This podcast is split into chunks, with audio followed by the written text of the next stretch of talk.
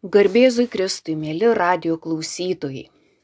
Mes vis kalbam apie tai, kodėl tie mystikai pabrėžia, kad Dievą mes galim pažinti tamsoje, kad, kaip kalbėjom praeitą kartą, kad bažnyčios tėvai sutinka, kad būtent tas vyja negacijonis, tarsi neįgymo kelias ir yra tas Dievo įgyjimas tamsoje. Kitaip tariant, per nežinojimą mes pasiekėm Dievo supratimą ir mums šiaip normaliai, kaip sakytume, mąstantiems žmonėms ir kyla klausimas, bet, nu iš tikrųjų, kodėlgi ta proto šviesa, aš negaliu taip savęs apšviest, kad man Dievas būtų, na taip pažinus, kaip ir bet kas kitas, ką mes pažįstame. Ir tikrai mes kaip ir pritarėm ir sakom, kad Dievas kaip ir mes tikrai yra, ar ne, kad be jo nebūtų ir mūsų, ir kad jo buvimas yra kaip būtinas buvimas. Mūsų, sakykime, egzistencija yra tokia atsitiktinė. Jeigu mūsų ir nebūtų, tai vis tiek visi kiti būtų. Bet jeigu Dievo nebūtų, nieko nebūtų. Ir šitoje vietoje tikrai suvokiam, kad, na, Dievą pažint, tai nėra tas pats, kaip pažint bet ką nors kitą. Ne, nes jis yra va, tas, kuris daugiau už viską. Ir sutiksim, kad mes ir šiaip tai, ką mes tiesiog galim pažinti, mes nepažįstam tobulai. Mes labai daug žinom, pavyzdžiui, kaip pažinti vieni kitus. Ir netgi mums atrodo, kad mes labai gerai pažįstam vieni kitus. Bet tikrai sutiksim, kad pažint pažįstam, bet nesuprantam. Ir labai dažnai net pačių artimiausių žmonių, kuriuos atrodo tu kaip ir geriausiaigi pažįsti, tu labiausiai jų nesupranti. Ir va čia prisiminsim, kaip praeitą kartą kalbėjom, kad, nu, kuo mes labiau džiaugiamės, kad kažką pažįstam, ar ne, tai realiai gyvenime viskas yra kitaip, kaip mes kalbėjom apie keliautojus, ar ne, kurie, kur vienas dalykas, pavyzdžiui, banginius pamatyti internete, ar ne, ir žinot, kad jie ten, pavyzdžiui, pirmiausiai tu pamatai tokį dūmelį, ar kaip čia pasakyti, nu jie pirmiausiai išpurškia orą, o paskui tu lauki, kur jie iškils, nes jie tikrai ten, kaip sako, gal dešimties minučių maždaug tame laikė, jie, jie kažkur turi iššokti iš to vandens ir, ir taip visi laukia ir, ir nežino, kur žiūrėti. Visi į visas pusės dairos ir kai pamato, wow, kaip, vis, kaip apsidžiaugia, tai ne tas pats, kai tu skaitai apie banginius, ar ne, ir tu ten gali labai tiksliai žinoti ir kiek minučių jie ten būna po vandeniu, kas kiek laiko iššoka, bet tu nesakai, wow, skaitydamas. Tiesiog šaltai, šaltų protų ir ne, proto šviesoje, tu tarsi viską žinai, bet visai kas kita pamatyti banginį gyvą, kaip, kai sako žmonės, nors uodega, kad pamatyčiau, kaip, ar ką nors tenai banginio kuprą, ar neišu, kuri ten pasirodo vandens paviršiui ir tai visiems būna wow. Vat kalbam apie tai, kad tikras supratimas, jisai kažkaip paliečia mane visą ir mažiausiai tai, tai turbūt mano protą, aš, aš tada ten nieko nesikartoju, ką žinau apie banginius, bet kai juos pamatai, tai wow būna.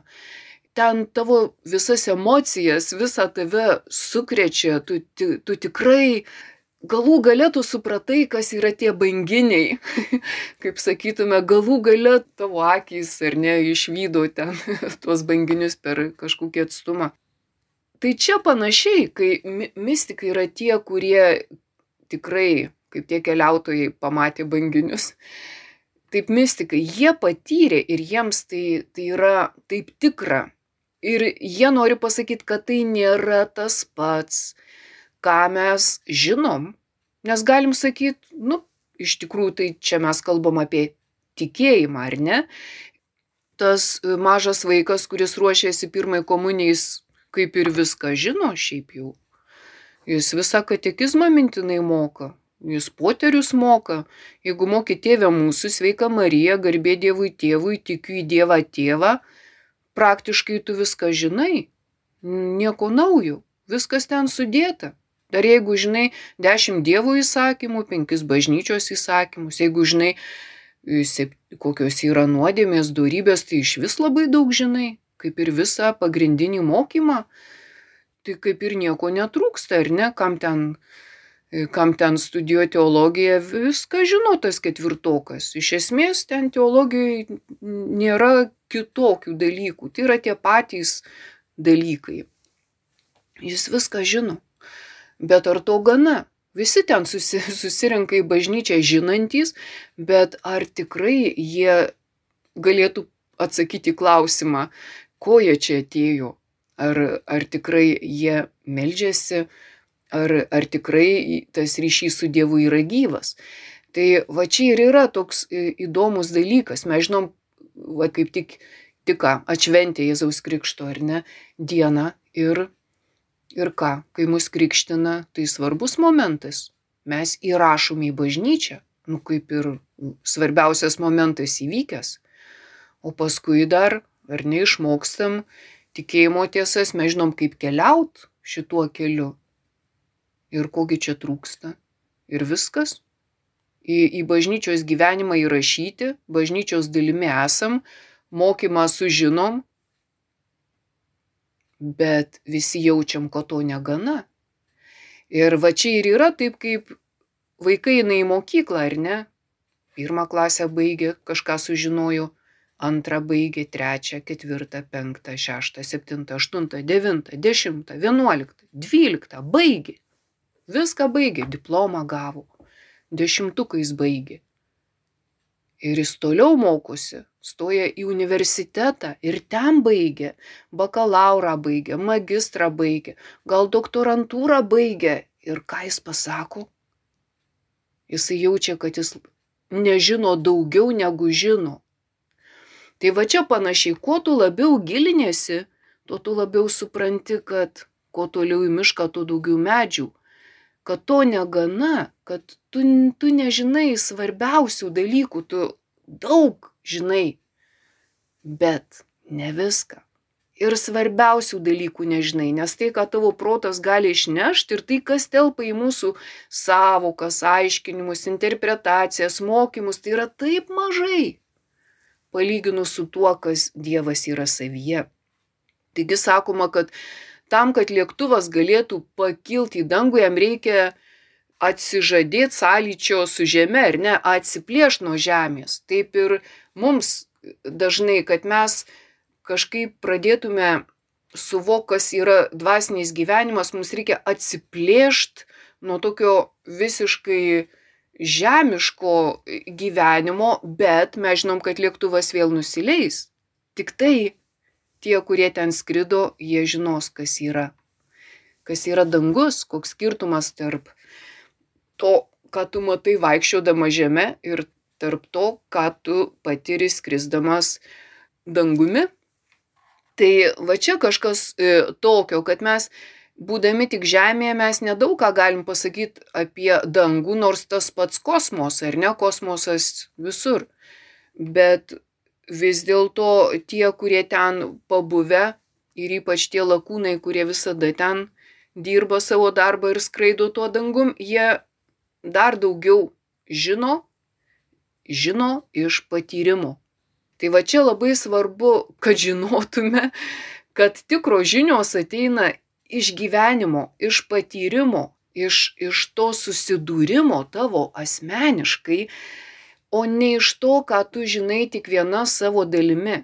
Tai protas yra mūsų aukščiausioji sielos gale, bet vis dėlto labai svarbu kai gyvenime mes vertinam supratimą, kai, kai mes ten visi dalyvaujam.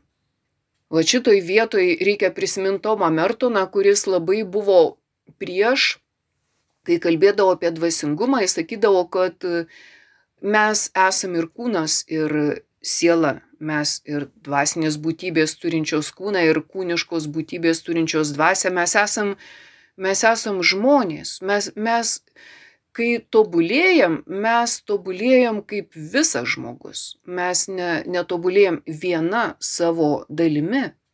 Ir ypač kalbant apie dvasinius dalykus, jie persmelkia mus visus. Pavyzdžiui, kūniški dalykai, jie daugiausiai pasireiškia kūniškumu, bet irgi turi įtakos e, mūsų vidui.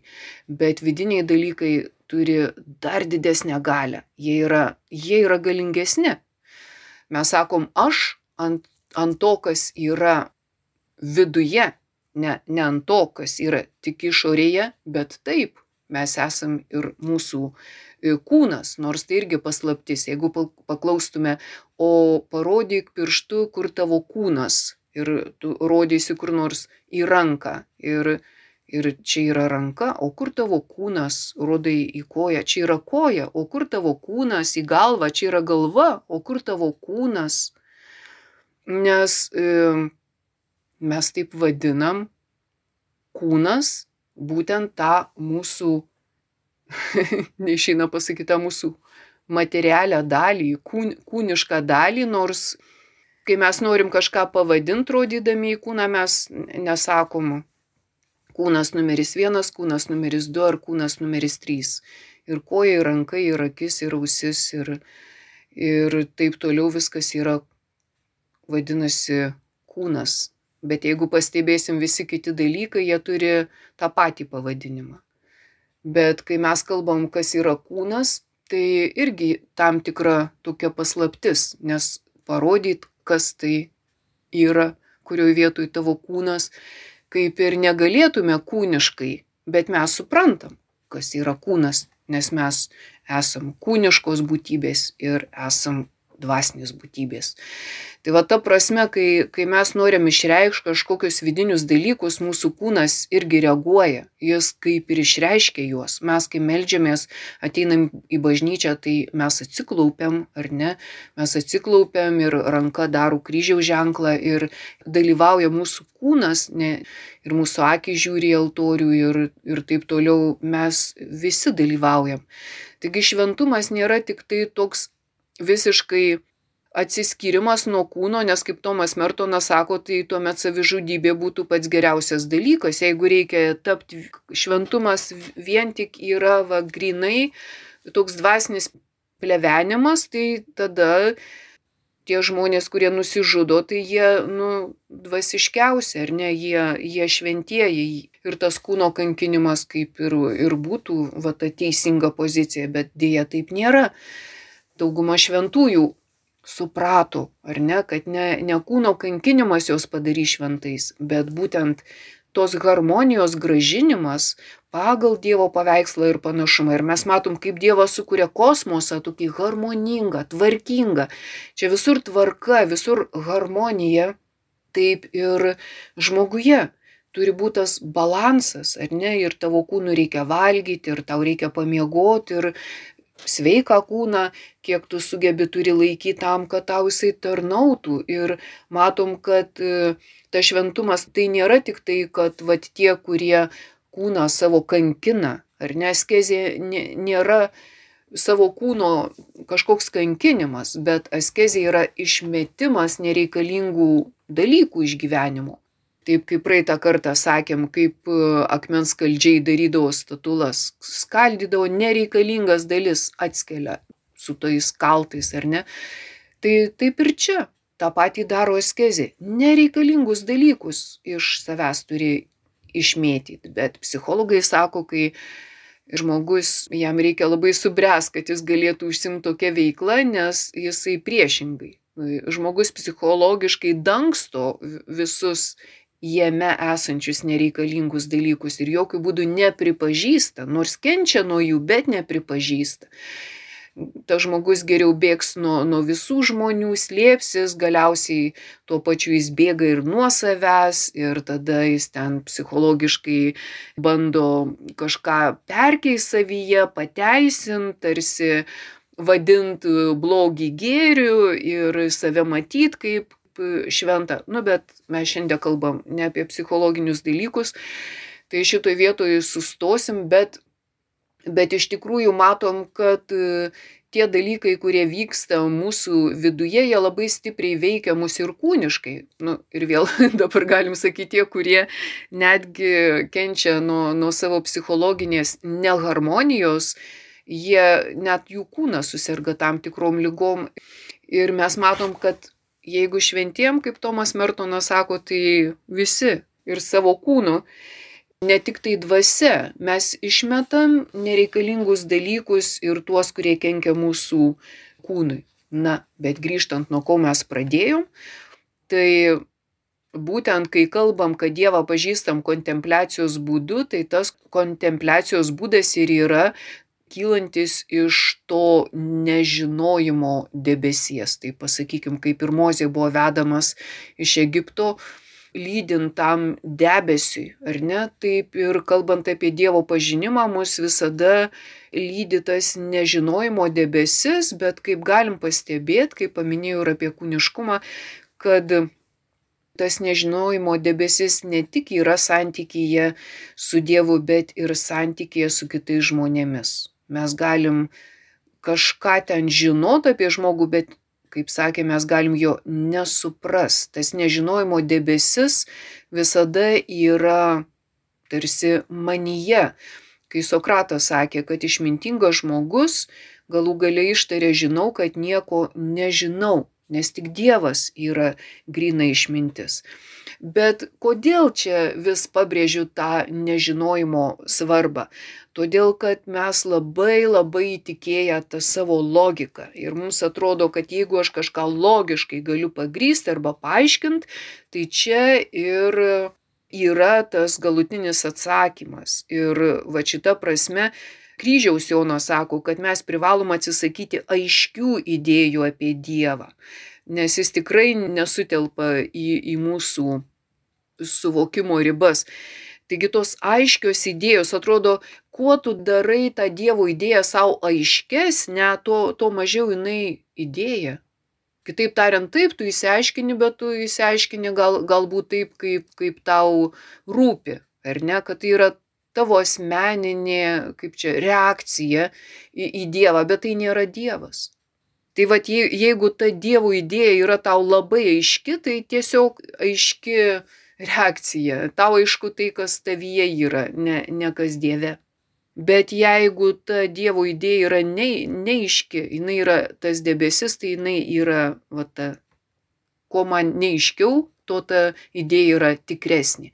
Tai kai kalbam apie tikėjimą, tai tikėjime tų labai aiškių dalykų tikrai, kad nėra tokių kaip mes. Pavyzdžiui, žiūrim į Betliejų ir matai ten gimusi mažą kūdikėlį ir tau į galvą nesutelpa. Kur čia tas Dievas? Kas čia? Tas, kur guli tenai šieno šitam visam fragmente. Ir protu tai nėra paaiškinama, bet tu turi primti tikėjimo. O tikėjimas ir yra tas toks nežinojimo debesis.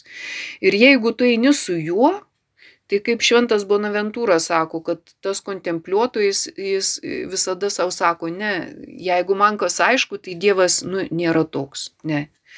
Ir va čia ir yra, kaip jisai sako, panašu į tuos skulptorius, kurie iš akmens daro skulptūras nuskaldydami Tai va tuo neigimo būdu mes tarsi atitrūkstam nuo tos e, žemiškos mąstysenos, tai pavadinkim, ir tada galim pakilt į tos dvasinius dalykus būtent tokiu būdu. Ne tada, kai aš sakau katekizmą moku, tikiu į Dievą tėvą moku, viską moku ir viską žinau, bet kas iš to? Ar tikrai tas Dievas yra gimęs tavo gyvenime? Ar tikrai tu esi su juo. Tai yra labai du skirtingi dalykai.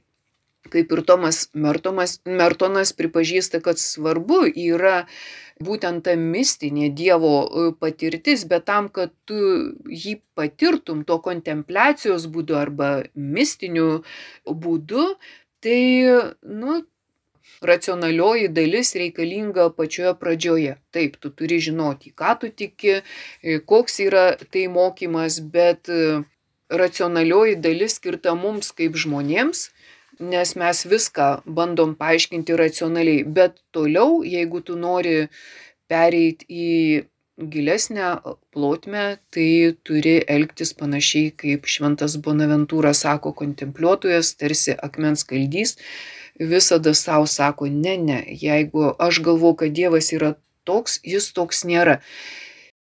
Tikras Dievas yra toks, kada mes pasakom, wow, savo gyvenime, ar ne? Buvo situacija ir tikrai ten racionaliai jau matėsi, kad neįmanoma įspręsti, o įvyko, kaip mes sakom, stebuklas, ar ne? Ir atrodo, nu, va čia tikrai Dievas man apsireiškė kaip sakom, trijų karalių šventėje Dievas apsireiškia e, žmonėms. Ir va tas apsireiškimas ir yra tas wow, tai yra staigmena, tai yra netikėta, tai, tai yra gyvenimas, tai, tai nėra iš teologinių knygų paimta, bet tai yra tavo asmeninis susitikimas su Dievu. Ir tai lieka visam gyvenimui. Dėl ko e, tas pats šventas Bonaventūras sako, kad, nu, va tada, kai tu nežinojimo nori prisiliesti prie Dievo, bet, nu, tu iš tikrųjų jį patiri, tai kaip taisyklė, kaip jis sako, tu jį patiri kaip meilės pliūpsnį, kaip mes irgi daug žinom apie meilę ir eilėraščių mokam ir ten sveikindami pasakom tuos eilėraščius ir taip toliau, bet mes žinom, kad gyvenime viskas kitaip, kad meilė nėra, nėra eilėraščių posmai, kad e, čia reikalinga ir auka, čia reikalingi kiti dalykai, čia ne per tavo sakomus eilėraščius e, meilė ateina į gyvenimą, bet pagal tavo tą teisingą laikyseną, o ją iš tikrųjų parodė Jėzus. Jis atėjo šitą žemę ir tarsi laužė tą mūsų logiką. Karalius gimsta ne kažkur rūmuose gimsta tvarte. Betlėjus yra va tas pavadinimas, kuris yra susijęs su, su duona. Ir jis ateina būtent pas mus kaip, kaip duona. Ir tas pažinimas yra tada, kai tu, kaip Jėzus sakė, kas valgys mano kūną ir gers mano kraują, ar ne? Kas valgys šitą duoną, kas gyvens tokį gyvenimą. Kaip mes sakom, kad uh, pažįsta vienas kitą, nu tie, kurie valgo tą pačią duoną, ar ne, kurie patiria tokius pačius dalykus, jie, jie juos pažįsta. Taip ir čia, kad mūsų Dievo pažinimas tai yra jo gyvenimo pažinimas gyvenant panašų gyvenimą, taip sakykime, valgant tą duoną. Ir tada tu pamatai, kad tavo tikėjimas turi didelę galią, kada jis nėra tik žodinis, bet tada, kai jis yra veiksme, e, kada jis nėra tik tavo protė, bet kada jis yra tavo gyvenime.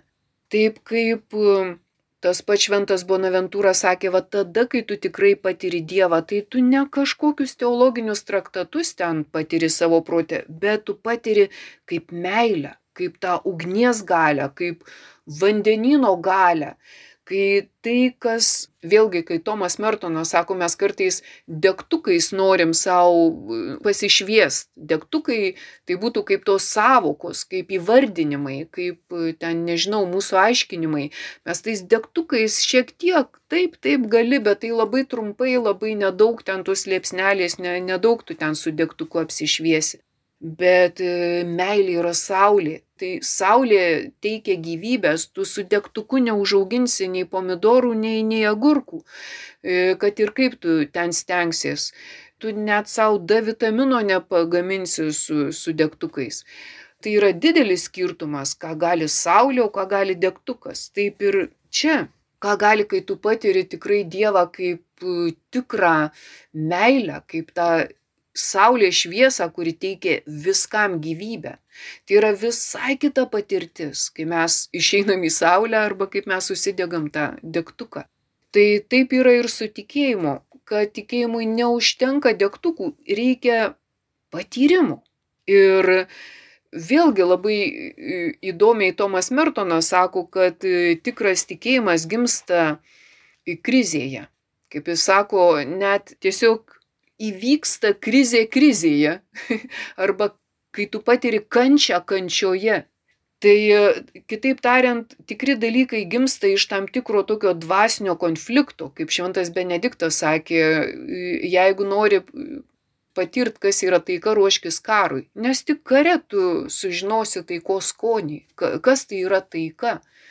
Kai viskas gerai, tai tu nežinai, koks taiko skonis, bet kai tu esi kare ir tada tavo širdis taiki. Ir, ir tada tu neši taiką. Tai čia yra du skirtingi dalykai. Tai ir Tomas Mertonas sako, va tada, kai tavyje vyksta tas dvasinis konfliktas ir būtent kada jisai sako, ateina ta pergalė, būtent pralaimėjimo kontekste, kai tau atrodo, nu, viskas, tu pralaimė ir galų gale pergalė. Tai va tada tas tikras skonis pergalės, ar ne, kaip Dakare. Važiuoja, važiuoja tie lenktynininkai ir jiem nesiseka, viskas ten darosi, o paskui ras ir paskutiniam ten etape pasirodo, kad sugebėjo išplėšti tą pergalę. Tai va tada, kai tu esi ant tos britvos ašmenų ir vis dėlto praeini tą kelią, ar ne? Tai va ta krizė, krizė, kas tai yra? Tomas Mertonas nori pasakyti, kad tikroji krizė ir yra tada, kai, kai mes ją bandome spręsti protu, nes mes visas krizės taip sprendžiam, ar ne? Net ir tarpusavio santykių krizės taip sprendžiam protu. Bet jeigu mes tik protų sprendžiam, mes jų neišsprendžiam. Mes galim išsiskirti, ar ne šeimos išsiskiria, bet jos neišsprendžia esminių dalykų, nes ten kažko trūko, ko Tiesiog reikėjo vat to prieskonio, kad tas maistas būtų valgomas, bet jis nebuvo valgomas.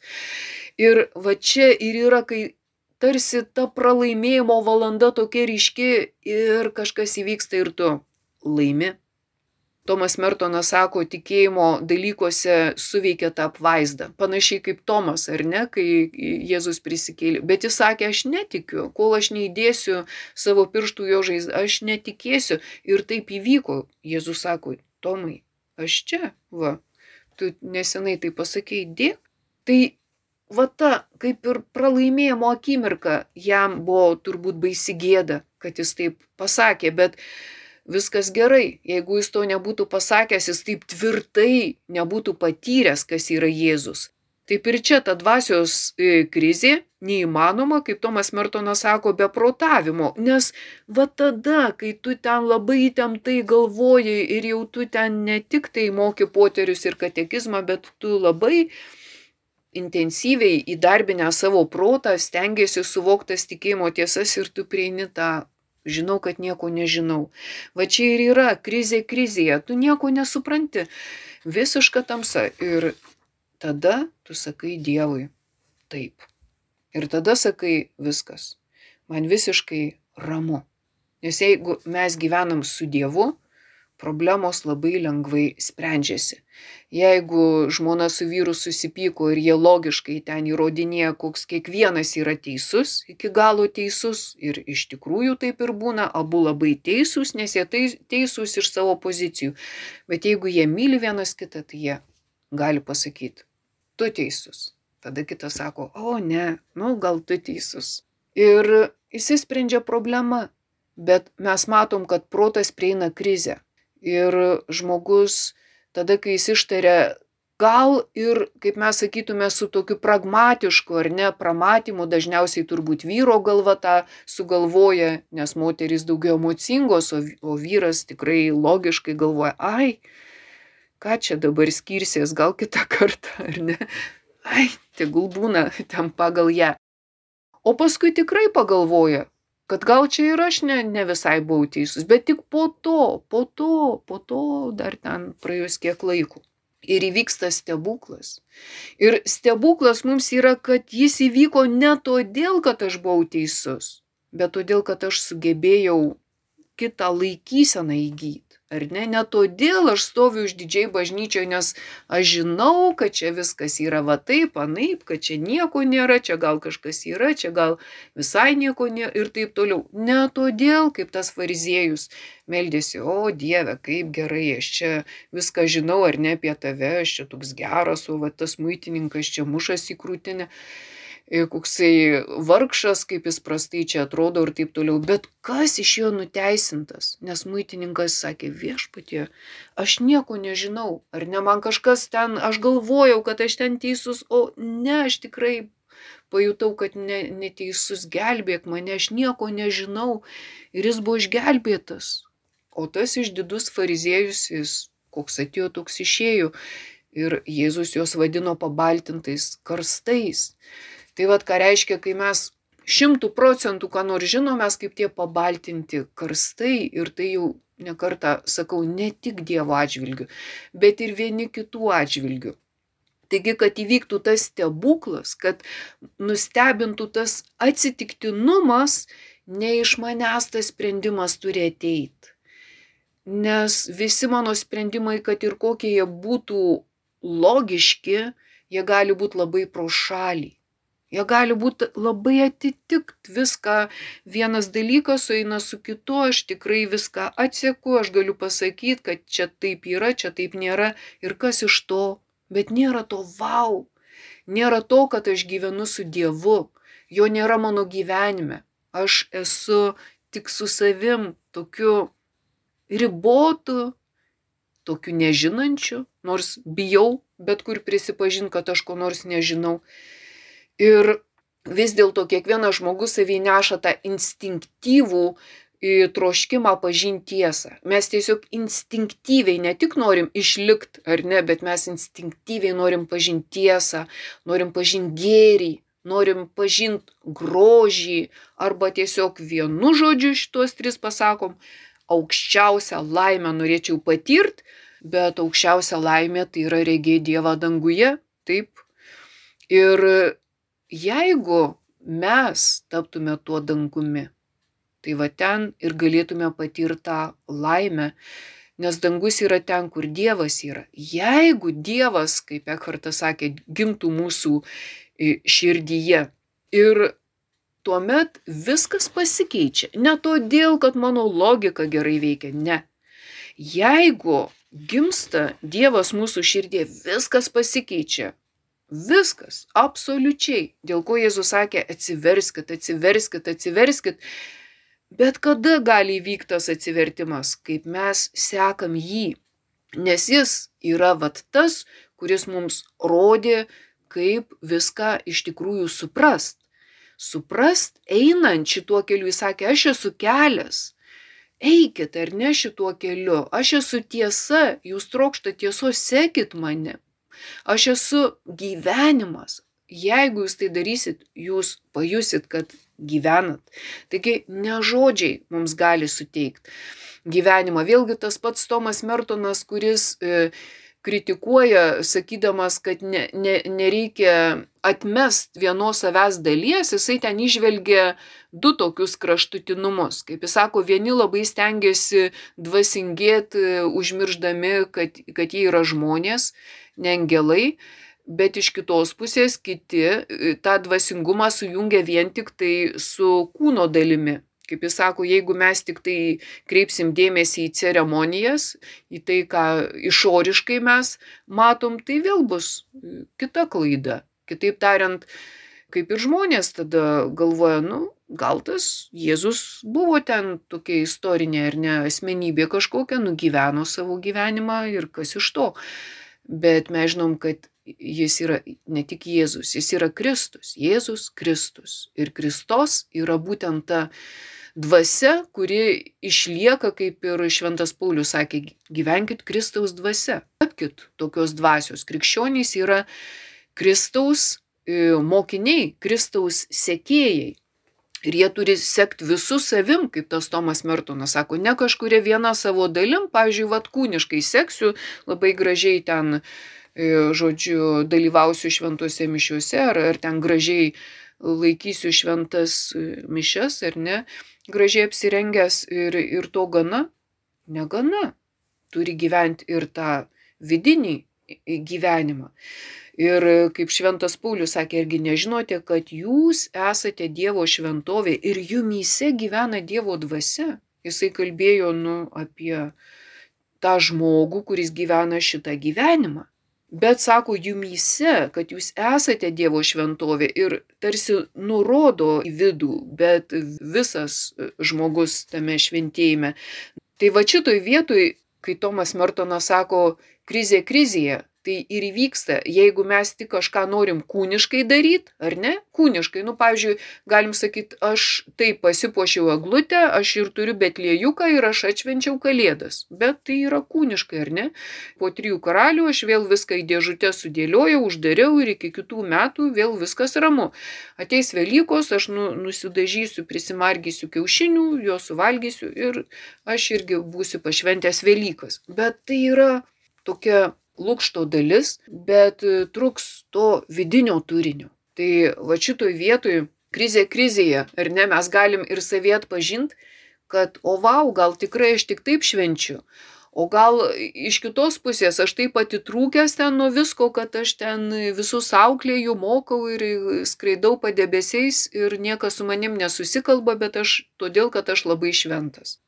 Tai būna e, kartais tokių atvejų, kai žmogus gyvenime žudo, pavadinkim, kabutėse ir nekenkia visiems žmonėms, bet iš kitos pusės labai kviečia ten į visokias akcijas, kalbėti rožinį, įsirašyti ir ten net kovot, kad ten e, ta diena būtų e, tiesiog nedarbo diena eitvos ten nemitinguose, nors pats apsisukęs, galima sakyti, ten dantim gatavas suėsti visus žmonės ir, ir tada, bet jam kažkaip ten rišasi tie dalykai, kažkaip susieina. Tai va šitoj vietoj Tomas Mertonas sako, čia turi atsiras, kaip mes siekiam, būdami krikščionimis, sekti Jėzų, tai mes negalim pamiršti tų dalykų.